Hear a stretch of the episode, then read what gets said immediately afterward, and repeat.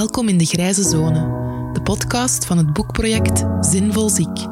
Ik ben Lin, ik ben een jonge dertiger, ik ben een mama, ik ben chronisch ziek, ik ben ongelooflijk nieuwsgierig en daarom ben ik op zoek naar manieren om ziek en zinvol weer dichter bij elkaar te brengen. Ik ben op zoek naar het speelveld tussen zwart, zielig ziek in een hoekje en wit, zo gezegd ongelooflijk zinvol tegen 200 per uur meehollen in de redrace. Ik zoek de grijze zone. En om alle vragen die ik heb te beantwoorden, ga ik in dialoog met heel uiteenlopende stemmen uit ons sociaal weefsel. Wie precies? Daarvoor moet je hier maar regelmatig eens komen luisteren. Dat ga ik nog niet verklappen. Heel veel luisterplezier. Vandaag mag ik Dominique Sneppen verwelkomen in de Grijze Zone. Zij is uh, Vlaams Belangpolitica in de Commissie Volksgezondheid. Welkom. Dank wel. Vooraleer ik uh, met jou aan de vragen ga beginnen, doe ik altijd een klein experimentje met de podcastgasten. Namelijk, wat zijn de eerste drie woorden die in jou opkomen bij het begrip ziek? Um, dokter, um, thuis en hulp. En bij het begrip zinvol, wat zijn de eerste drie woorden daar? Zinvol. Um, leven, sociale contacten, gelukkig zijn. Oké, okay, en als je die twee in één adem moet zeggen, zinvol ziek, welke associaties krijg je dan? Dan zit daar wel een mengeling in, denk ik. Um, dan is het ook sociale contacten. um, gelukkig zijn. Ja, aan werk zou ik er misschien ook wel bij zetten. Werk ook, oké. Okay. Oké, goed. Hoe zou u het huidige beleid rond langdurige ziekte omschrijven? Goh, ik heb uh, het een en ander opgesnord uh, naar aanleiding van dit interview. En ik ben tot de constatatie gekomen dat men wel poging doet om beleid te voeren. Maar dat het nog, excuseer, nog zeer miniem is. Men kondigt wel van alles aan. Maar eigenlijk, als men dan iets aankondigt, dan is het vooral om cijfers op te smukken. Um, zoals ik laatst uh, las, denk ik, in de krant. Dat... Um, men de langdurige werklozen aanpakt, hè, dat dat dus verminderd is. Maar aan de andere kant zijn dan de langdurige zieken of invaliditeit is dan gestegen. Dus dat is eigenlijk communicerende vaten, denk ik. Dus eigenlijk... Excuseer hoor. Um, eigenlijk is dat uh, de beul tegen de blut, zeggen wij uh, in West-Vlaanderen. Um, aan de ene kant veel getoeter en bellen van ja, kijk, we zijn goed bezig. Hè. De langdurige werklozen zijn weer aan het werk. Maar aan de andere kant, jammer genoeg, zien we dan dat die wel naar een andere uh, uh, categorie uh, instromen. Dus um, ja, ik denk dat dat beter kan. En voor Vlaams Belang, wat zijn, wat zijn de belangrijkste waarden en de belangrijkste doelstellingen dan in dit kader? Ja, um, er moet meer ingezet worden op flexibiliteit. En zowel naar de langdurige zieken, maar ik, ik denk dat er daar drie spelers in zijn. Dus de langdurige zieken, de werkgevers en de overheid. De overheid moet ervoor zorgen dat er een, een, ja, een ander beeld komt uh, van langdurige zieken. Want vaak als, als je werkgevers hoort, ja, is dat een last voor, een, voor een bedrijf. En, dus dat moet veranderen. En wij zullen inzetten op uh, een betere communicatie. Eén, hè, zet die mensen samen. Hmm. Dat ze elkaar leren kennen. Dat uh, langdurige zieke ook hoort wat, uh, wat het probleem is bij de werkgever. Maar dat de werkgever ook ziet van, ah, misschien kan ik toch wel iets aanpassen in mijn bedrijf, waardoor ik die mensen toch kan uh, een kans geven en, en zich verder laten evolueren in het bedrijf. Maar de overheid moet daar dan ook de ruimte voor creëren. Dus ja, Vlaams Belang zou inzetten dus op een, een flexibele werkvloer. En de overheid zou daar moeten ook de, de de tools voor geven, uh, de werkgevers simuleren door ik zeg maar, een, een, bonus te geven als ze inderdaad een, een aantal percentage langdurig... Is dat niet al een beetje? Financiële uh, incentives? Ja, dat is al een beetje, inderdaad. Maar ik denk dat dat nog beter kan. Ja, en concreet, welke maatregelen zou u treffen als u daar morgen bij wijze van spreken iets aan mag veranderen? Wat zou u dan concreet doen? Um, wel, concreet, zoals ik zeg, ik zou inderdaad zorgen dat er financiële incentives aan zijn. Maar ook, um, zoals ik daarnet al zei, eigenlijk um, beter communiceren. Dat de, de drie, um, uh, allee, de drie verantwoordelijken eigenlijk, of de drie spelers in het veld, beter zien waar het over gaat. Want werkgevers zijn nu dikwijls wat afstanden van, ja, time is money. Hè. Als je daar iemand zet die maar half werkt of die maar bepaalde werk aan kan, ze kijken daar wat negatief naartoe. Ehm, als, dat, als je dat kan opentrekken door goede communicatie, door mensen samen te zetten, ehm, die werkelijk iets willen doen, en dat ook stimuleert door bijvoorbeeld eh, financieel of ja, ik zou daar nog verder moeten over nadenken, concreet dan. Uh, maar dat moet zeker mogelijk zijn. Ja, want je zegt time is money, maar um, face-to-face conversatie voeren en elkaar leren kennen, dat vraagt tijd. Ja, absoluut. Dus ja, daar lijkt het wel een paradox te zijn dan. Hè? Want er is weinig tijd, dus hoe... Ja.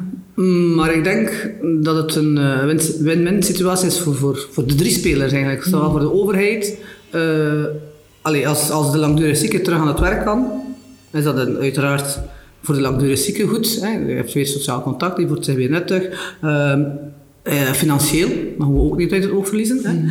Want met financiële zorgen word je ook niet beter. Nee. Uh, voor de werkgever die zijn werkvloer aanpast, kan dat ook uh, een winsituatie zijn, doordat je toch wel een gemotiveerde speler hebt, een uh, werknemer hebt. Want die zou even goed kunnen zeggen, ik blijf lekker thuis, ik heb mijn uitkering, ik, ik doe niks.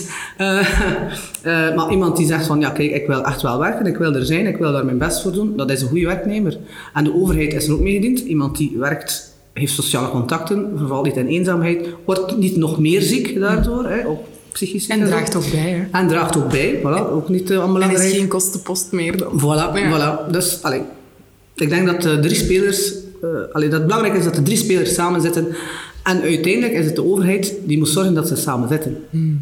Dat is al de eerste stap eigenlijk. Ja, ja en je haalt aan en je, je geeft daar de omschrijving van oh, ik blijf lekker thuis, want ik heb mijn uitkering. Er is natuurlijk wel een beeld dat, wij, beeld, dat wij hebben, als, ja. Allee, dat de samenleving heeft van langdurig zieken. Hoe kijk jij daar zelf naar? Ja. Ik, ah, ja. Um, goh, uh, ik ken toevallig enkele mensen die in dat geval zijn.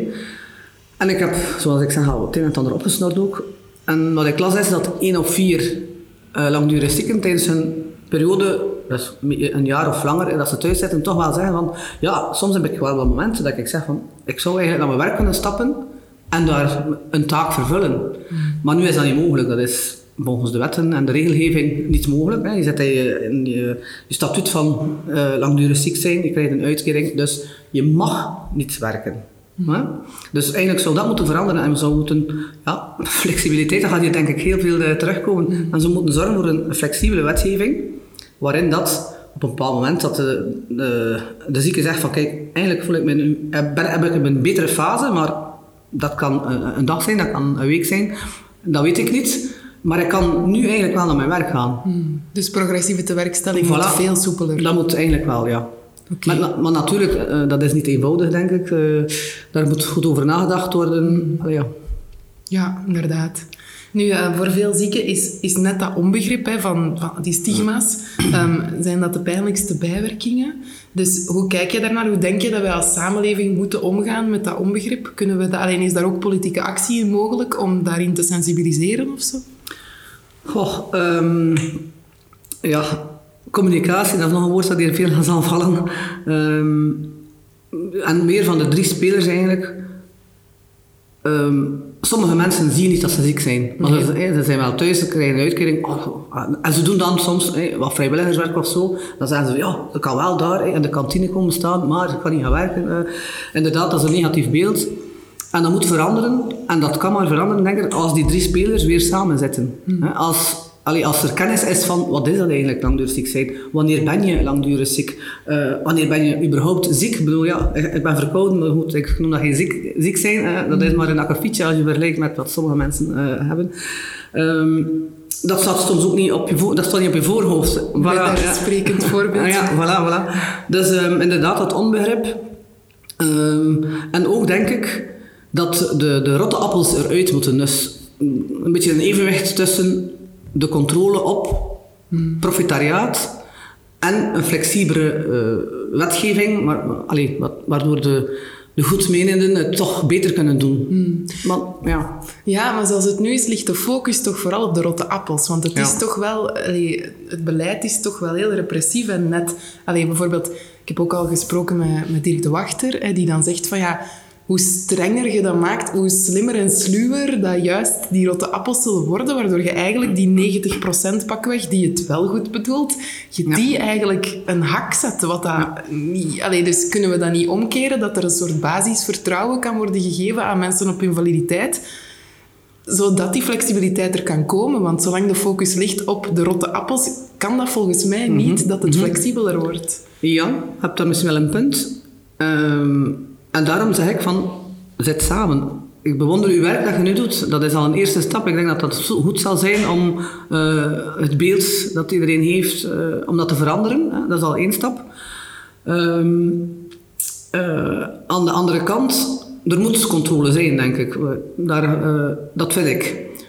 Moeten we meer inzetten op het andere? Ja, uiteraard. Ja. Maar ik denk dat het een beetje een evenwicht moet zijn. Ehm, eh, ja. Oké. Ja, heel veel stemmen in het zorgveld zijn het eens hè, dat werk heel belangrijk is en dat het zelfs een, een deel van, van het herstel zou moeten zijn in plaats van te wachten tot iemand officieel terug gezond is om dan terug te mogen werken. Ehm, dus wat zijn volgens jou de grootste drempels voor langdurig zieken nu om terug aan het werk te gaan? Ehm, ik denk enerzijds de wetgeving zelf, de regelgeving, zoals ik het daarnet al zeg, zei, van je zit in een invaliditeit en je mag eigenlijk niets doen. Je mag niet gaan werken. Je zit in die periode. Ehm, nog een drempel is, hoe langer het duurt, hoe moeilijker wordt om het werk weer te hervatten. Dat is met langdurig werklozen idem. Ehm, En hoe, waarom is dat? Allee, hoe, hoe is het die link tussen hoe langer het duurt, hoe, hoe moeizamer? Wat zijn de oorzaken? Ja, dat is een goede vraag. Ehm, ik denk dat je dan niet meer in dat ritme zit. Ehm, de sociale contacten worden, wordt moeilijker, denk ik. Eh, ja, dat zal wel een alle, allee, een alle haartje zijn van, van redenen. Ja, er zijn een aantal theorieën. Hè. Professor Lode Goderis bijvoorbeeld, ik weet niet of je die kent. Ehm, die doet daar veel onderzoek naar. Eh, en bij hem is het, allee, volgens hem is het dan dat er bij beide partijen, dus zowel bij de werkgever als bij de zieke, een nieuw status quo ontstaat vanaf pakweg drie maand. En dat die zieke dus ja, een, nieuwe, allee, een, een nieuwe midden heeft gevonden van oké, ik, ik, heb mijn, ik kan meer in mijn huishouden doen of het, het is rustig. En ondertussen op de werkvloer hebben ze, iemand anders? hebben ze ja, iemand anders of hebben ze het werk verdeeld onder de collega's die er zijn. Dus je hebt enerzijds een status quo en anderzijds heel veel angst. Bij die zieken van ga ik dan nog kunnen? Als ik terug ga, Ja, ga ik dan uitvallen? Maar ook die werkgever heeft diezelfde angsten van oei, als hij terugkomt, kan die dan nog? Hoe, hoe lang gaat hij zi- gaat die hier zijn? Gaat hij terug uitvallen? Dus het is... Ja, ik denk dat daar nog te weinig over gesproken wordt, maar ook in het politieke debat, dat daar niet genoeg over wordt nagedacht van oké, waar zitten de angsten en wat kunnen we daar dan aan doen als overheid? Ehm, dus ja, hoe, hoe zou je daarmee aan de slag gaan? Ehm, goh, ik denk dat er ook iets moet veranderen. Ehm, ik had daar ook een artikel over gelezen eh, in de artsenkrant. Bij de dokters, die, die zeggen van kijk, ja, oké, ik geef je... eh, ik kom naar de dokter, ik heb klachten. Ehm, ja, we onderzoeken nu, we vinden voorlopig niks, geef je een week. En dan uiteindelijk vinden ze wel iets, hè, word je in een bepaalde hok geduwd, eh, je bent dit of je hebt dit. Ehm, je moet naar de adviserend arts, eh, enzovoort, enzovoort. Ehm, ik denk dat er daar ook het een en ander kan veranderen. Ik denk dat die, die, die, die adviserende geneesheren, de huisartsen en al, iedereen die er mee mee te maken heeft, dat die ook wat meer moeten communiceren met elkaar. Eh, eh, ik denk dat dat nu een beetje te weinig is. Dat ook die reïntegratie, ik denk dat die mensen daar voorlopig ook niet voor, echt voor opgeleid zijn. Wat stelt dat voor? Wat kan ik als dokter daarin betekenen? Dus bijscholing moet, daarvan, moet daar ook zeker een van de punten van zijn. Ehm, ehm, ja, ik zeg het, communicatie, communicatie, communicatie. Eigenlijk op En- alle vlakken, hè. Ook, ook de overheid met al de verschillende instanties die ermee te maken hebben, RWA, WDAB, eh, weet ik wat nog allemaal. Eh, die moeten, ja, er moet meer een open, een open cultuur zijn van, kijk, wij hebben dat, wij doen dat. Hoe zien jullie dat? Zet samen rond de tafel eh, met, met een aantal instanties en allee, ja, doe iets, doe iets, ja, iets Ja, er, er is sprake van een digitaal platform dat er al zou zijn voor communicatie tussen huisartsen, arbeidsgeneesheren, Ja. adviserend geneesheren. Is dat er ook echt? Wordt dat gebruikt? Daar heb ik geen weet van. Ehm, en ik heb de indruk dat veel artsen nogal allee, afwijzend zijn in verband met digitalisering en zo. Dus als, allee, nu gaat het vanaf 1 januari zijn van die elektronische voorschriften. Sommigen zijn daar ook niet zo positief over en zo. Allee, Het maakt de stroom wel vlotter. het maakt alles. Ja, uiteindelijk, uiteindelijk moet iedereen mee met de digitalisering, willen of niet. Ik bedoel, het vereenvoudigt toch wel voor een stuk. Eh, maar ja, ehm, ik denk met digitaliseren alleen kom je er ook niet. Nee. Ik ben nog altijd, misschien ook daarin een beetje conservatief, zit rond de tafel en brainstorm een keer. Allee, Mm. Als huisartsen daar zitten, eh, adviserende geneesheren, specialisten... ah, Moet de allee, patiënt allemaal slimme mensen. Moet de patiënt de dan patiënt, uiteraard, de patiënt ook. eh, dan kan er toch wel iets concreet uit de bus komen, denk ik. Ja, dat denk ik ook. Allee, hoop ik toch. En eh, ja, vanuit, vanuit mijn positie als chronisch pijnpatiënt, hè, ik, ik, ik volg heel veel debatten rond reïntegratie langdurige ziekte, eigenlijk alles wat ermee te maken heeft. En ja, wat mij opvalt, is dat, is dat, de, dat de dialogen eigenlijk altijd alleen maar gaan over mensen die nog in staat zijn om nu een 100% terug te halen. Hè. Neem nu heel de burn-out problematiek. Terwijl dat, naar mijn beleving, niemand ooit 100% haalt. Allee, dat is één ding. Maar langs de andere kant, in die grote groep langdurig zieken, en ondertussen zijn het er 430.000, denk ik, ehm, zit wel een groep zoals ik, met auto-immuunziektes, met levenslange beperkingen, die nooit nog mankementenvrij gaan leven. En die dus ook eigenlijk nooit nog die voltijdse redrace aankunnen. Dus, en, maar daar wordt precies niet over gepraat. Dus wat met die groep? Allee, hoe zit het dan met, met onze ja, plaats op de arbeidsmarkt en, en gewoon in de maatschappij? Ik vraag me dat wel af. Wordt daarover nagedacht in politieke kringen? Te weinig, denk ik. Anders zou je hier niet zitten. Hè. Nee. Ehm, goh.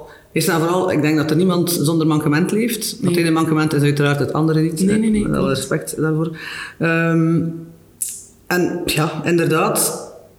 Ik denk dat, dat eh, de overheid daar nog meer kan in doen. Maar niet alleen voor langdurig zieken zelfs. Ik denk voor de gewone merk- werknemer ook van ik duw op de pauzeknop, ik heb het even gehad, laat het me even, eh, laat me even allemaal op een rij zetten. En dan moet er, denk ik, de mogelijkheid zijn om, eh, nu gaat het daar waarschijnlijk ook nog over hebben, over dat boetseren aan uw baan. Eh, dat is zowel goed voor langdurig zieken, maar ook voor eh, gezonde mensen. Bedoel, nu, is het, nu slaat de slinger te veel door naar preste- presteren, presteren, presteren. Alles moet opbrengen. eh, zoveel mogelijk doen in weinig tijd. Met het loon, daar gaan we nog over, over zwijgen. Hè. Ehm, maar ja, zo is het wel. Hè. Mensen moeten altijd maar meer en meer doen. Hè. Meer taken opnemen in dezelfde tijdspannen. En vaak nog met, met hetzelfde loon erbij. Dus ook gezonde mensen gaan op de duur vallen. Burn-out, depressie. België heeft al, eh, staat al op, heel hoog in de ranking eh, van zelfmoord, psychologische eh, ziektes enzovoort. Dus ik denk inderdaad dat we daar even echt moeten bij stilstaan. Oké, maar daar wordt dan net op bespaard. Op preventie Ja. en op welzijn. Ja. Dus wat vindt u van de besparingsrondes? Ja, ik- vind dat jammer. Ik vind zeker, mensen dragen bij, hebben eigenlijk de taak van de sociale bescherming overgegeven aan, aan de, de overheid. Dus eigenlijk in return, als, als je op het punt komt van ik heb behoefte aan steun, aan hulp, zou de, de, de overheid moeten zeggen van oké, je, je draagt bij, hè, je hebt, je daarvoor betaal je belastingen en veel hier in, in België. Eh, dus moet de overheid ervoor zorgen dat, dat sociale zekerheid allee, goed is en dat, dat iedereen, dat, dat er vang, vangnetten genoeg zijn. Dus daar denk ik inderdaad in België, we betalen heel veel belastingen, dus de sociale zekerheid, daar moet er zeker, mag er niet op bespaard worden. Maar ja goed, iedereen, zal, iedereen trekt altijd aan zijn eigen eh, laken natuurlijk, eh, als de regeringsvorming bezig is en eh, het, het regeerbeleid uitgestippeld wordt. Maar ik denk ja, in een, een welvaartsstaat zoals we het in België toch mogen noemen, eh, moet- moeten we zorgen dat de sociale zekerheid er is voor onze mensen. Hè. Ja. Nu ja, maar ja, die sociale zekerheid die steunt natuurlijk op een solidariteitsprincipe. En er wordt langs alle kanten gezegd dat wij minder en minder solidair zijn voor elkaar. Ehm, ervaart u dat ook? Ik, ik geloof dat niet. Ehm, als je kijkt wat er eh, allemaal kan gebeuren, ik denk maar aan Baby Pia, ik denk aan de warmste week, kan je moeilijk zeggen dat eh, de Vlaming niet solidair is. eh. Maar dat is eerder empathie natuurlijk. Want bij Baby Pia, je geeft, dat, je geeft die baby een concreet gezicht. Ja. Terwijl ons, ons solidariteitsprincipe is iets anoniem. Hè. Je, dra- je draagt bij om, om de ongelijkheid tussen wie kan werken en niet kan werken, wie ziek is en wie Ja, gezond is. ah, ah, ah. Dus dat is iets anders, denk ik, als je de warmste week, je komt op tv, je kunt... Allee, dat, is, dat is anders. En dat is voor Ja, een concreet goed doel waar je meestal iemand van kent. Ja.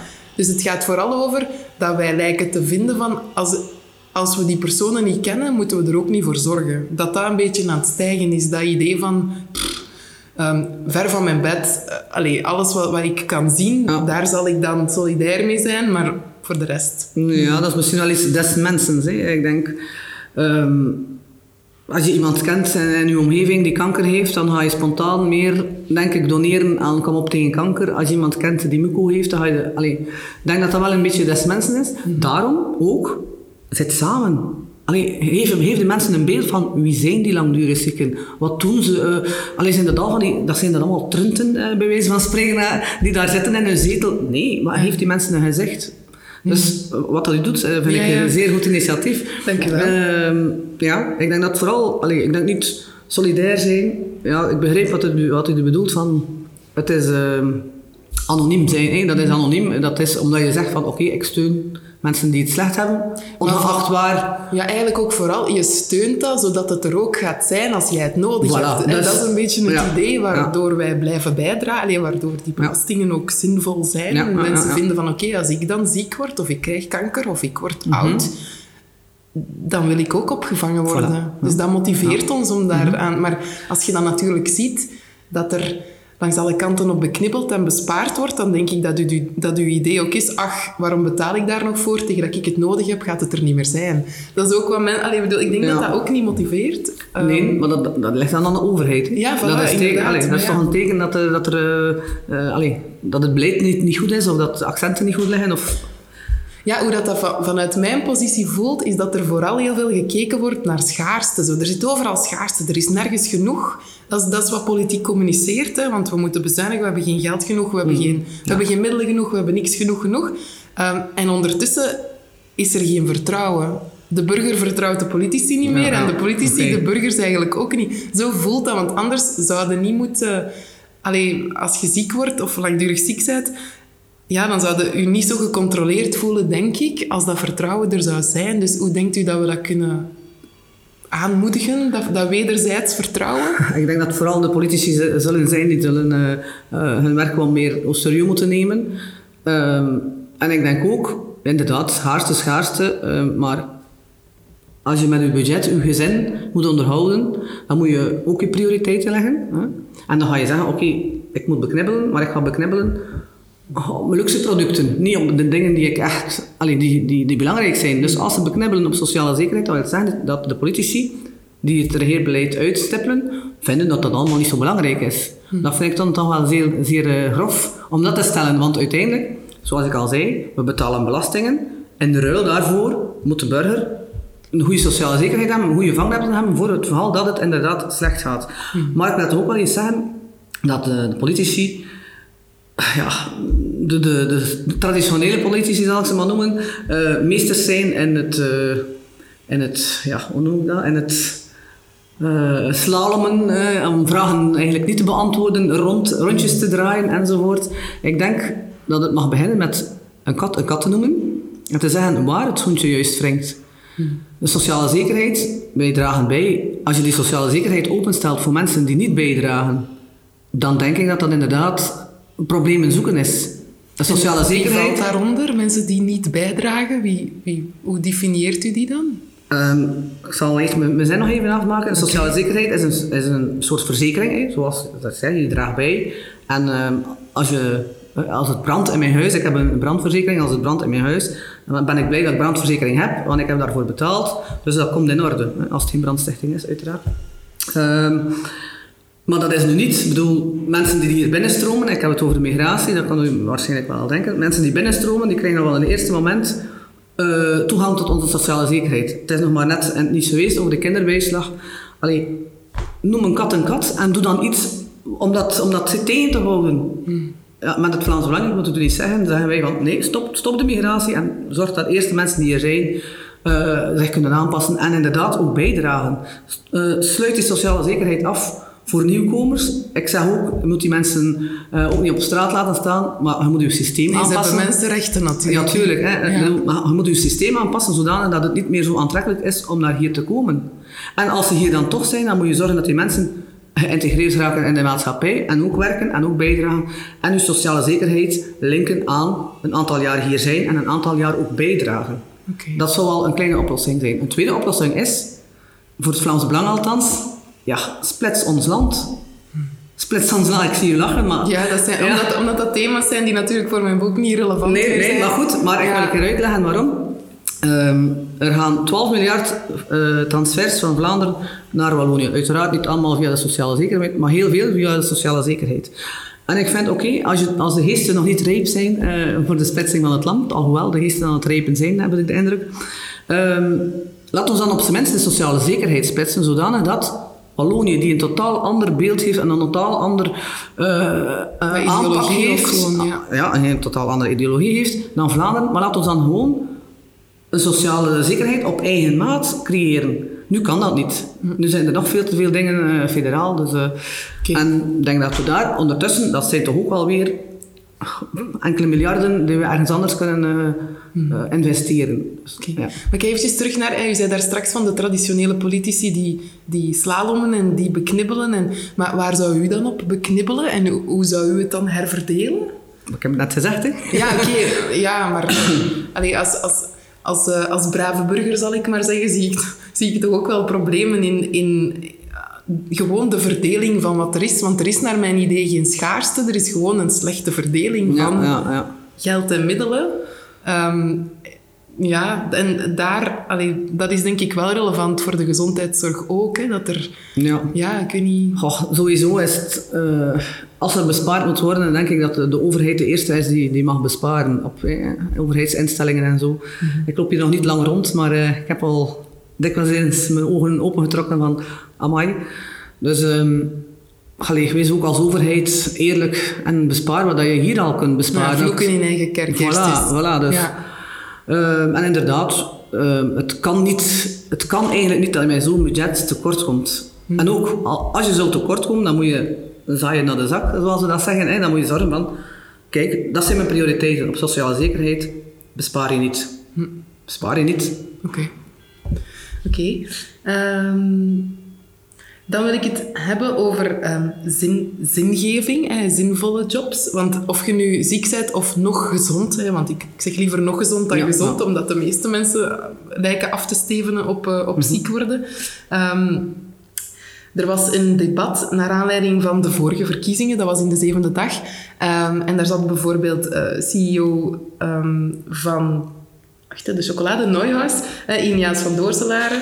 En eh, psychologe Elke van Hoof zat daar, eh, Vincent van Quickenborne zat daar. En ehm, daar ging het over het feit dat eigenlijk presentisme nog een groter probleem is dan absentisme. Dus dat mensen wel naar hun job komen, maar omdat ze er geen zinnigheid uithalen, zal ik maar zeggen, omdat ze het gevoel hebben dat ze een bullshit, bullshit job hebben, wordt het dan genoemd, presteren ze eigenlijk niet. Ehm, en voel, allee, hebben ze het idee dat ze niet zinvol zijn. En dat is een probleem dat zieken eigenlijk ook hebben. Dus hoe, kunnen we, hoe kunnen we daar als samenleving of, of als allee, ehm, overheid eigenlijk iets mee aan doen? Want dat zou natuurlijk wel veel problemen voorkomen. Dat zou al een vorm van preventie zijn om in te zetten net op zingeving. Want uiteindelijk is dat... Mensen willen toch op het einde van de dag fier kunnen zijn op wat ze gedaan hebben die Ja, dag. En nu lijkt dat niet vaak het geval te zijn. Dus heb je daar eh, al over nagedacht? Ja, ehm, ehm, waarom dat, dat zo is dat mensen die ingesteldheid hebben, dat weet ik ook niet. Maar wat er kan aan gedaan worden, is denk ik ehm, dat je als werkgever ervoor zorgt dat je werknemers meer betrokken zijn. En uitleg geeft van waarom moet ik dat doen en waarom moet ik dat zo doen. En ik zeg het weer al, eigenlijk communicatie en flexibiliteit. U gaat het straks ook hebben, denk ik, over baanboetseren. Ja, daar komen we- voilà. ja, daar komen we in Eh, die richting. Ik denk dat, dat, dat, we, dat we inderdaad in die richting moeten met, met, de, met, met de werkvloer. Als we niet eh, nog hoger in de ranking willen staan eh, in verband met depressies en burn-outs en dergelijke en zelfmoord. Ehm, en zoals je zegt, inderdaad, ook voor nog gezonden is, dat het, is dat hetzelfde. Ik heb het daarnet ook al gezegd, dat evenwicht tussen presteren en zin geven, dat moet terugkomen.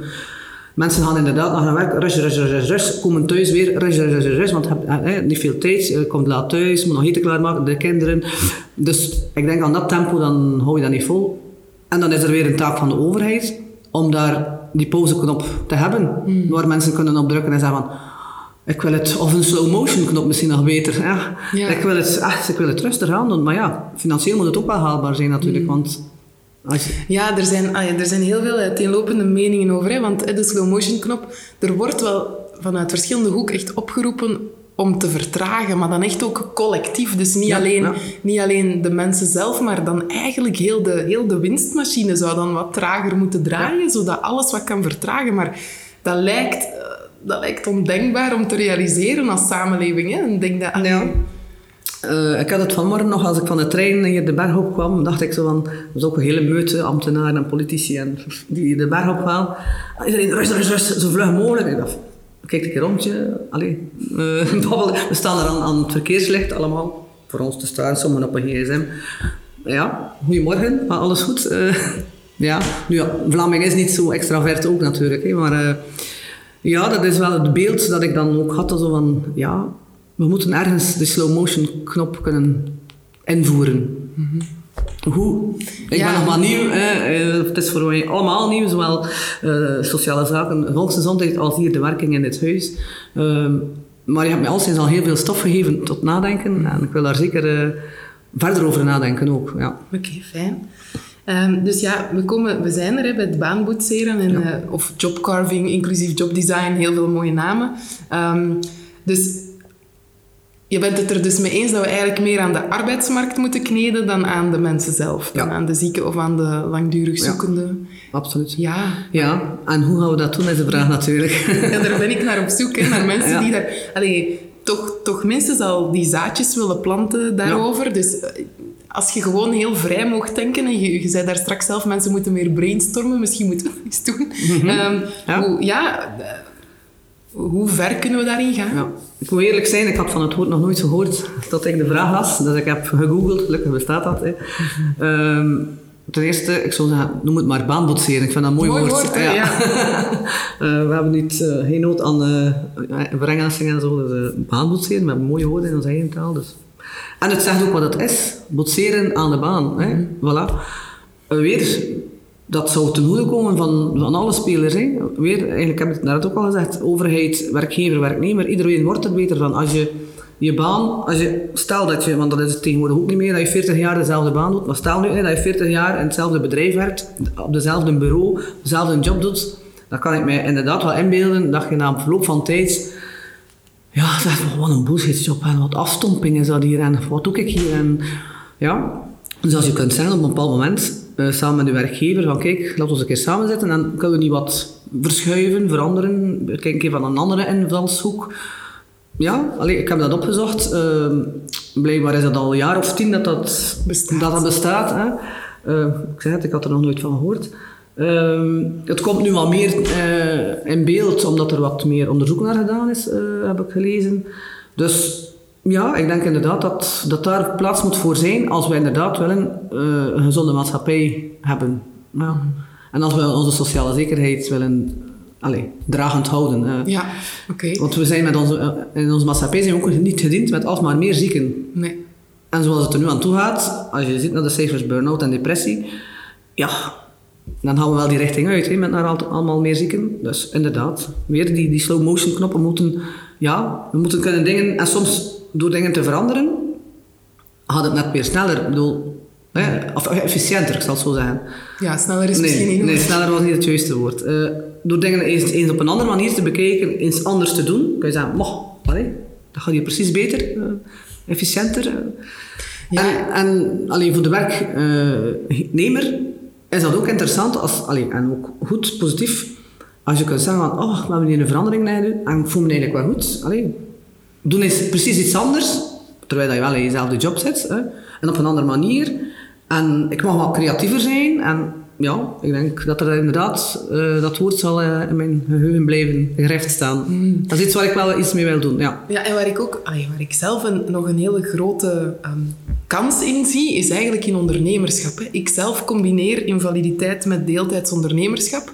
Ik heb daar heel hard voor moeten zoeken en mijn plan moeten trekken om te vinden hoe dat, dat juist werkt en wat er allemaal kan en mm -hmm. niet kan, want er is eigenlijk nergens um, een heel concreet informatiepunt voor zoiets. Maar in de debatten gaat het daar ook nooit over. Terwijl dat Vlaanderen toch heel um, pro-ondernemerschap mm -hmm. is, maar blijkbaar alleen maar als je gezond bent. Hè? En blijkbaar ook alleen maar voltijds en alleen maar in hoofdberoep. Dus Is dat ook iets dat, dat jullie als, ehm, als Vlaams Belang zouden meenemen? Um, absoluut, absoluut. Uh, en terwijl je aan het vertellen bent, denk ik dan even na ook, want inderdaad, want precies alleen als je gezond bent mag je ondernemen, maar het zijn natuurlijk ook meestal enkel gezonde mensen die het beleid uitstippelen en die, die zeggen, allee, allee, en die de, de, de tools reiken om te ondernemen, dus die ook die affiniteit niet hebben met... Mm. Uh, nee, want er zijn, allee, het probleem is, er zijn gewoon geen flankerende middelen. Mm -hmm. want bijvoorbeeld, ik, ik krijg nu een invaliditeitsuitkering, daar is 10% van afgehouden omdat ik deeltijds iets, bij, iets bijverdien. Dus dat is ongeveer een volle winkelkar voor een gezin dat mhm. weg wordt genomen. Of ik nu kan werken of niet, want mijn ondernemerschap loopt. En ik heb ook maanden dat ik zo ziek ben dat, het, dat ik amper iets verdien. Maar ondertussen is die 10% ja, komt die niet magisch terug. Um, en Um, binnen, allee, na vier jaar kijken ze dan naar de personenbelasting. En als ik bijvoorbeeld dit, nee, 2019, wat ik dus vorig jaar heb verdiend, gaat bepalend zijn of ik in 2022 nog iets krijg.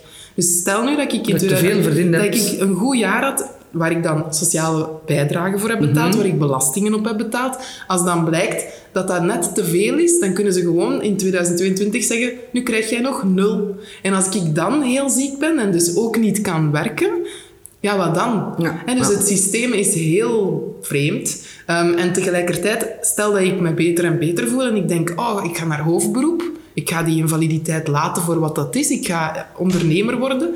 Dan is er ook geen vangnet, want er is niemand die mij gaat verzekeren, want ik heb een auto-immuunziekte. Ah, dus er is gewoon er is geen... Um, tussen, allee, de grijze zone, deze podcast heet zo, er is geen grijze zone. Mhm. Ook niet voor invalide ondernemers, terwijl dat ik wel denk als je je job zelf letterlijk volledig zelf kunt creëren of boetseren, gewoon je eigen onderneming, meer op maat, kun je dat echt niet maken. Alleen werkbaar, wendbaar. Het kan volgens mij niet werkbaarder dan dat. Ja, ehm, en toch wordt daar echt niks mee gedaan. Dus ik ben daar ja, een beetje teleurgesteld ja, in. Ja, ja. Dus ik, uh, ja. ja, ik begrijp u. Uh, ja, ik, allee, ik heb daar geen pasklaar antwoord op hoor. Uh, maar dat is zeker iets waar ik, waar ik, allee, dat ik meeneem en waar ik verder over, over, over nadenken. Eigenlijk word je voor een stuk gestraft omdat je zegt van ik wil, ik wil wel werken. Mhm. ja, dus... ja, maar ik wil gewoon ik wil niet werken volgens de, de normen die er nu op gezonde mensen worden gelegd. Namelijk, je moet knallen van s morgens tot s avonds en liefst ook nog um, uw werkmail s'avonds nog eens mhm. bekijken, want misschien verandert er ineens nog iets. En, en je moet... Bijvoorbeeld, ik werkte voor mijn diagnose, ik had al wel symptomen, maar voor ik wist wat het was, als journaliste en ik rijd niet met de auto, dus ik moest pendelen.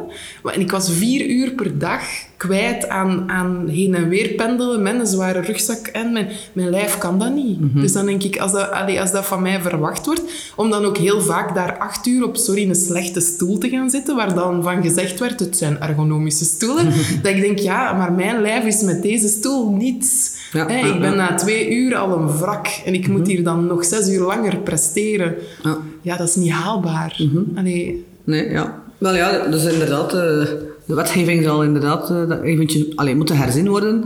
Uh, maar goed, ja, ik denk dat dat inderdaad ook nog een uh, weg van lange adem is. Maar waar we, waar willen is, is een weg, zeg ik altijd. Mm. De wil moet er eerst zijn natuurlijk. Dus, Oké, ja, ja, ja, absoluut. Ehm, ja, allee, ja, ik vind inderdaad ook jammer dat, dat, er, dat daar niks... Allee, dat je eigenlijk gestraft wordt. Eigenlijk, ik noem dat een straf.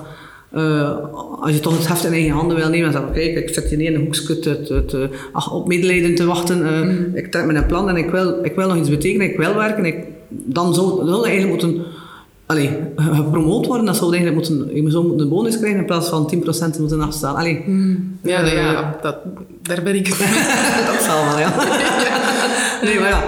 Maar, ja. Uh, concreet allee, weet ik ook niet hoe we dat kunnen aanpassen, maar allee, ja. Mm. Maar ja, dit project bijvoorbeeld is dan een, een mooi voorbeeld van wat ervaringsdeskundigheid kan betekenen. En omdat ik vanuit, ik ben geen neutrale vragensteller hier. Ik, mhm. vanuit mijn ervaring stel ik mijn vragen en vanuit de gaten die ik zie, omdat ik aan de kant sta. Hè, dus het, ik sta ik, als invalide word je aan de rand van het speelveld gezet en daardoor ziet je beter waar, welke spelregels er compleet zinloos zijn. Dus daarom dat ik die ook een vraag wil stellen. Dus hoe kijk jij naar ervaringsdeskundigheid? Ik heb dat al eens gevraagd aan mevrouw De Blok ook. Um, we hebben hoorzittingen al gehad uh, over van alles en nog wat. En dan zit daar iemand van het patiëntenplatform, het Frans Patiëntenplatform. Dat is al natuurlijk iets. Hmm. Hè? De patiënt wordt vertegenwoordigd, maar dat is ook dan de patiënt. Ja, ja. Als het over iets gaat... Er is alleen, geen de patiënt. Voilà, nee. voilà. Dus, uh, maar wij zijn daar zeker voorstander van dat... Uh, allee, degene waarover het gaat, dat die aanwezig is. Hè? Want dat is pas de ervaringsdeskundige. Je kunt nog een professor zijn van ik weet niet wat allemaal. Maar uh, allee, niet concreet, geen, geen concrete ervaring hebben. Ik denk dat dat inderdaad, want dat is op alle vlakken, allee, op alles zo. Hè. Als je iets wil veranderen aan de wet, luister naar de mensen. Zit samen met de mensen die, waarover het gaat. Hmm. Want nu is het boven de hoofden en dan wordt er iets beslist. In de kantoren hier eh, in het huis wordt er dan beslist, er wordt over gestemd. Er wordt misschien een keer een hoorzitting over gedaan met professoren allerhande. Uh, waardoor dan we ons geweten kunnen sussen van ja, we zijn goed ingelicht. Uh, maar de, de, de persoon waarover het gaat, die komt niet aan het woord. Maar is dat niet, is niet vaak het argument dat um, als je een zieke laat praten, dat er dan te veel emoties zouden zijn en dat het dus geen er nuchtere, rationele informatie is die binnen wordt gestor, allee, die binnenkomt in het debat? Is, het, is dat niet een oordeel dat, dat mensen daarop hebben? Um, dat is misschien wel het oordeel die dat mensen daarover hebben, maar goh, ja. Als je iemand uitnodigt uh, om over zijn probleem te praten, dan zal die mens allee, dat ook zo goed mogelijk proberen te doen, denk ik, hoop ik. Hè. Um, en komt er wat emotionaliteit bij te pas, goed, dat mag he. Mm. De, als een professor overtuigd is van zijn zaak, dan zal hij dat ook zeer emotioneel brengen. Ik, ik, zie daar geen graten in. Um, maar het is dan ook nog, je, kunt, je, moet je informeren voordat je kunt beslissen. Mm. Dus heel uh, objectief zeg ik altijd van laat iedereen aan het woord. Zowel die voor u de voorstanders zijn of die, of die voor u de tegenstanders zijn. Laat iedereen aan het woord en vorm dan uw mening. Dus als die de mens dan heel emotioneel uh, betoog doet, goed, dat kan, maar als politisch, politica moet je dan uh, allee, nuchter genoeg zijn om daar de emotionaliteit uit te filteren en te zeggen, ja, maar waarom is die mens zo emotioneel? Wat was nu eigenlijk juist het probleem? Wat heeft hij daar aangekaart?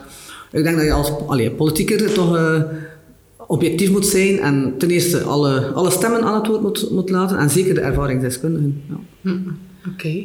En um, ja, ik heb zo'n heel concreet iets hè, waar, ik al, waar ik al even mee zit. Bijvoorbeeld, um, onderwijs is, is na, voor mij, naar mijn gevoel ook een, een systeem waar langdurig zieken in zouden kunnen floreren als dat flexibeler is. Hè. Want mhm. bijvoorbeeld, we, we willen een inclusief onderwijs, maar de leraren die moeten wel allemaal gezond zijn. dus waar zijn de leerkrachten met de handicaps en de leerkrachten in de rolstoel, de leerkrachten met chronische aandoeningen, die dus maar af en toe kunnen lesgeven. Allee, of die, die, die x aantal uur per week maar kunnen lesgeven. Want er zit in die invaliditeit, in die grote groep zieken, wel heel veel vakkennis en, mhm. en heel veel ja, ervaringsdeskundigheid. dat ik denk van, ja, neem nu een verpleegkundige die door een ongeval of door iets als, als een, een reumaziekte, die echt niet meer in staat is om fysiek mensen mhm. te tillen en te verzorgen, maar die wel 20 jaar expertise heeft. Waarom zou die niet op maat van zijn of haar lichaam dan voor, voor, een, voor de verplegers van morgen kunnen gaan spreken? Ja. Allee, en daar ook eerlijk voor betaald worden. Ja, uiteraard. Ja, ja dat, allee, onderwijs lijkt mij toch ook echt wel en daar wordt ook mm niks mee gedaan. Nee, inderdaad, dat uh, moet zeker ook uh, bekeken worden. Um, Hetzelfde is bijvoorbeeld een bouwvakker die uh, 40 jaar, uh, was 16 jaar in de bouw zit en na 20, 30 jaar kapotte knie, kapotte rug heeft. Inderdaad, je kunt die mensen inschakelen, bijvoorbeeld in een technische school in bouwrichting. En zeg van, kijk gasten, uh, neem die een zak zo, want anders ga je varen zoals ik, eh, een pijn in rug. Als je moet vloeren, doe van die kniebeschermers aan, want anders, eh, als je jong bent, dan gaat alles goed. en dan denk je dan, oh zeg, dat is lastig, die dingen aandoen. En, oh ja. Inderdaad, daar zijn we zeker voorstander van, van die mensen in te schakelen, waar het kan uiteraard, en wanneer het kan. En ik denk dat het onderwijs echt wel allee, een plaats is waar dat flexibiliteit echt wel ook aanwezig is, denk ik. Uh, als je nu zegt van ja, ik heb dat ingeplant deze week dat die persoon komt en die persoon kan dan niet, denk ik dat dat gemakkelijk allee, om te schakelen is, dat de leerkracht gerust kan verder met zijn andere lessen en dan bijvoorbeeld als, uh, als die persoon zegt van ja, nu zou het eigenlijk wel lukken, ik voel me goed, hè, dat kan perfect ingeschakeld worden, denk ik. Maar inderdaad, er moet ook een verloning naast staan en dan moeten weer de wetten aangepast worden. Ja, want nu, allee, dat gebeurt al veel. Hè. Patiënten gaan al veel in Ja. leslokalen. En Maar dat ja. is, maar dat is dan zuiver vrijwilligerswerk. Vrijwillig, En ik wil geen... Allee, ik wil geen afbreuk doen aan de impact van vrijwilligerswerk, want qua zingeving kan dat heel vaak wel tellen natuurlijk. Mhm. Ja, Maar het, ja, het maakt mij opstandig, omdat je dan je expertise wel mocht inzetten zolang je er niks voor terugkrijgt. Maar als je dan zou zeggen van oké, dat baanboetseren, van ik, ik, kan van ik kan met mijn ziekte concreet echt iets positiefs doen door, door te gaan praten, te gaan spreken voor, voor bijvoorbeeld een zaal vol CEO's of voor een groep politici. Door te gaan, allee, ik heb mijn mondigheid mee, daar ben ik heel dankbaar voor. Ehm, maar dat, dat zorgt er ook voor dat ik een spreekbuis kan zijn voor heel veel zieke mensen die zwijgzaam aan het lijden zijn. Dat ik denk van oké, maar dan, ja, dan voelt het onrechtvaardig als daar niets, helemaal niets voor zou terugkomen. Niet van, eh, want uiteindelijk, we, hoe, hoe we iets waarderen uit zich heel vaak in wat we ervoor willen betalen, wat we bereid zijn om ervoor te betalen. Dus om dan te zeggen van, die zieke dutsen, we zullen er naar luisteren, maar ze krijgen daar wel niks voor in ruil, voor hun tijd en voor hun engagement. En voor het feit dat ze zich ook inlezen en dat ze ook Ja, kennis vergaren en een opleiding volgen. Want ik heb bijvoorbeeld patiënt-expert reuma, dat is een concrete opleiding, heb ik gevolgd. Ja, een, een expert die zich opleidt of herschoolt, die wordt, die, die wordt ook betaald. En die Ja, krijgt dan... Die, allee, dus hoe kijk je daarnaar? Ik ben daar eh, allee, absoluut voorstander van dat eh, als je iets doet, dat daar inderdaad mag een verloning naast staan. En zeker eh, op dat vlak, bedoel, we kunnen nog heel veel leren in de gezondheidszorg, zeker. En als je een ervaringsdeskundige hebt die het aan de lijve ondervindt, hoe het is en wat de problemen zijn, ja, schakel die in en inderdaad, verloon die naar waarde, zou ik zeggen. Ja. Maar ik zeg, dan moeten inderdaad de wetten aangepast worden en serieus aangepast worden. Want, uh, en het moet ook want je hebt het ook al eens uh, naar je eigen case uh, verwezen van als je dan iets wil doen, ga je moet al een halve professor sociale zaken zijn om te vinden wat je kunt doen, hoe je het kan doen en welke papieren je moet invullen en zo. Maak dat ook wat eenvoudiger alsjeblieft. Hmm. Men spreekt, hij heeft een mond vol van uh, administratieve vereenvoudiging. Maar in de praktijk? In de praktijk is daar nog niks van, uh, van te zien. Plus, als de overheid daar echt iets wil aan doen, hè, echt oprecht zegt van ja, inderdaad, nu dat je ons wakker geschud hebt, geschud hebt oh, ja. nu je ons wakker geschud hebt, Lin, uh, gaan we daar iets aan doen? Ja, ja, hey, veel beloftes. Uh, ik hoop dat je dat wel goed inziet. Hmm. Maar hoe zit het bij de overheidsinstellingen eigenlijk? Hoeveel langdurig zieken en gehandicapten enzovoort ja, zijn daar aanwezig? Geen idee. Ah, voilà, dus ze zouden dan moeten een goede voorbeeld geven om het werkbaar te maken in eigen huis, toch? Ja, ik ben bij, bij, uh, bij Magie de Blok geweest mm -hmm. en uh, zij, heeft wel, zij heeft wel gesproken van in haar kabinet over de voorbije jaren zijn wel al succesvolle reïntegratietrajecten gedaan. Hè. Ze zei toen, uh, hoe had het verwoord? Um, the proof of the pudding is the eating. Mm -hmm. hè. Dus dat ze, dat ze het daar wel al gedaan hebben en dat ja. heel vaak die gereïntegreerde werknemers de meest gemotiveerde ja, ja, zijn van heel de hoop. Dus ik denk dat ze wel zeker overtuigd is van het nut van reïntegratie en dat het ook sneller moet kunnen en zo. Mm -hmm. um, maar haar, allee, haar stelling was dat wij in België, zoals heel vaak, 15 jaar te laat zijn um, met de denkshift van als we nu eens kijken naar wat mensen wel nog kunnen, in plaats van ze af te schrijven ja. op basis van wat ze niet meer mm -hmm. kunnen. Ja, en dus, ik, nee, dus ik zie tot nu toe met iedereen waar ik al mee gepraat heb, zie ik wel echt een bereidwilligheid om dat ook te doen. Om die een bril op te zetten van wat kan er wel nog en wat is daarvoor nodig. Maar het is zo traag. Allee, en, en er lijkt ook geen... Allee, er lijkt ook geen ruimte voor echt lange termijn denken, voor een experiment dat echt op lange termijn kan worden uitgezet, omdat het altijd ja, maar binnen...